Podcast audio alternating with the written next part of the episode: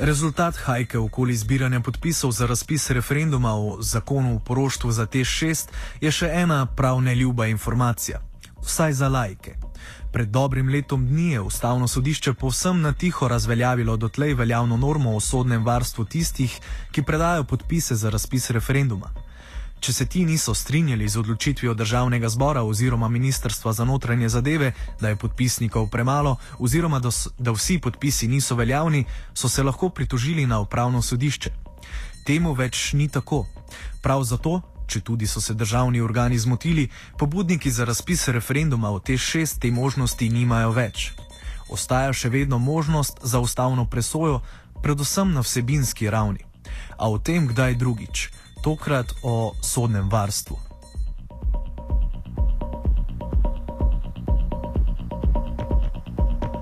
Naš sogovornik je Mateusz Krivic, ki je Viliju Kovačiču in kompaniji proti T6 nudil pravno pomoč. Kot prvi v slovenski javnosti je izvedel za to spremembo. Torej, zakaj pritožba na tem nivoju ni več možna?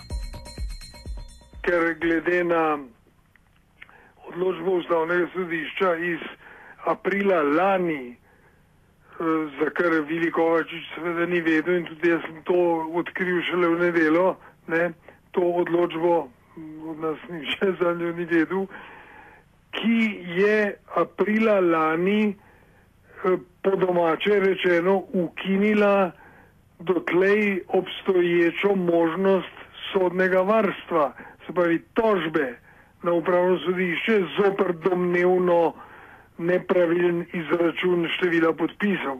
Ne?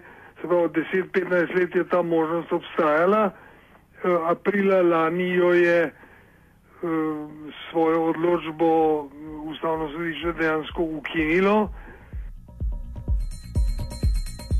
Krivica smo še prosili tako za osebno, kot tudi strokovno mnenje o tej spremembi. To je izredno zahtevno ustavno pravno vprašanje. Ne? In če me sprašujete za moje mnenje, vam ga strokovno mnenje vam ga ne morem dati še, ker še nisem problema dovolj preštudiral.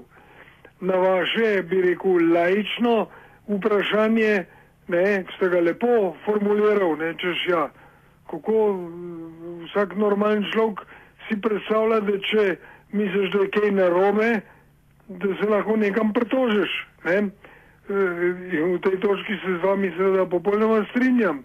Ne?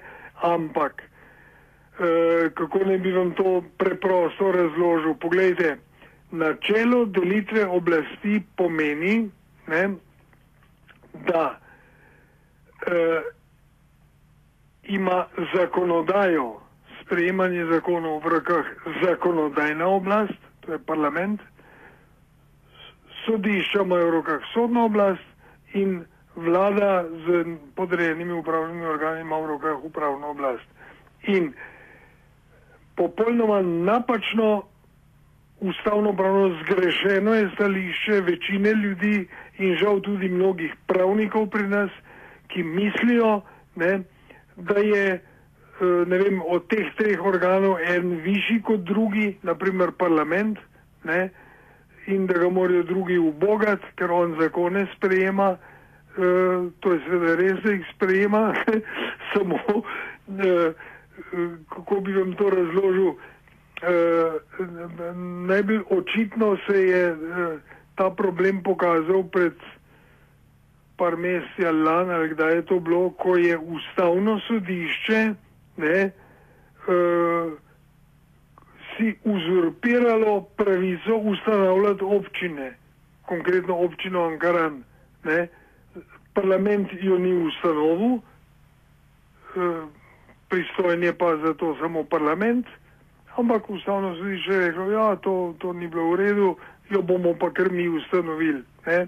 To je bila za mene groba kršitev načela delitve oblasti strani ustavnega sodišča. Ne?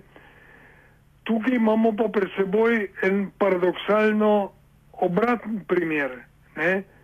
ko je vsa uh, sodna praksa, vključno z ustavnim sodiščem, 10-15 let priznavala možnost uh, sodnega varstva s tožbo pred upravnim sodiščem zoper uh, to, kar smo prej govorila, ne, sklepe um, predsednika državnega zbora, da nekdo ni zbral dovolj podpisov.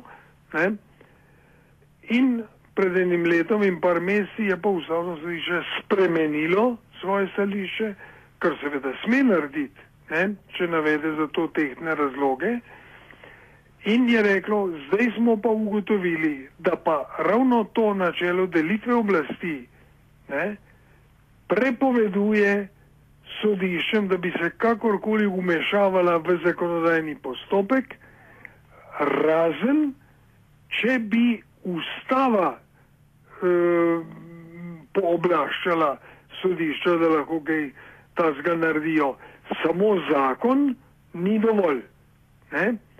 Ker na podlagi zakona je do takrat eh, to sodno varstvo bilo možno, zdaj pa ustavno sodišče reklo ne, tukaj treba biti po domače rečeno bolj dosleden in dosledno spoštovati načelo delitve oblasti in uh, če je parlament znotraj zakonodajnega postopka, v tem primeru pri zbiranju, glede zbiranja podpisov in tega, kršil pravice, ustavne pravice, recimo pobudnikov, ne, žal direktnega sodnega varstva zoper to ni, do zdaj je bilo, pa ga ne sme več biti, eh, lahko samo potem, ko je zakon že sprejet, ga pa naknadno, potem ko je bil že sprejet, ne, eh, prizadeti, če ima pravni interes za to, izpodbija pred eh, ustavnim sodiščem, bodi si zaradi vsebine, to itak, ne, ampak tudi, kar je seveda načelno pravilno, ne, lahko tudi zaradi nepravilnega protiustavnega eh, načina sprejetja, torej iz formalnih razlogov. Ne. In to je zdaj ta problem, uh, ali, ali je ta odločitev ustavnega sodišča, bi rekel, uh, sporna ali ni sporna. Meni se zdi sporna, ampak uh, vprašanje je, kot rečeno, prezahtevno in pretežko, da bi vam kar lahko izstrelil zdaj eno svoje stališče. Ne vem, moram preštudirati.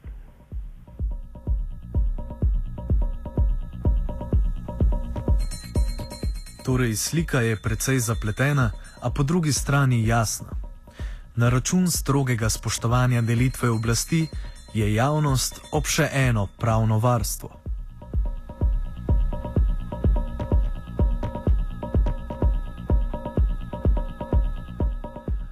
Offside je pripravil Jankovič.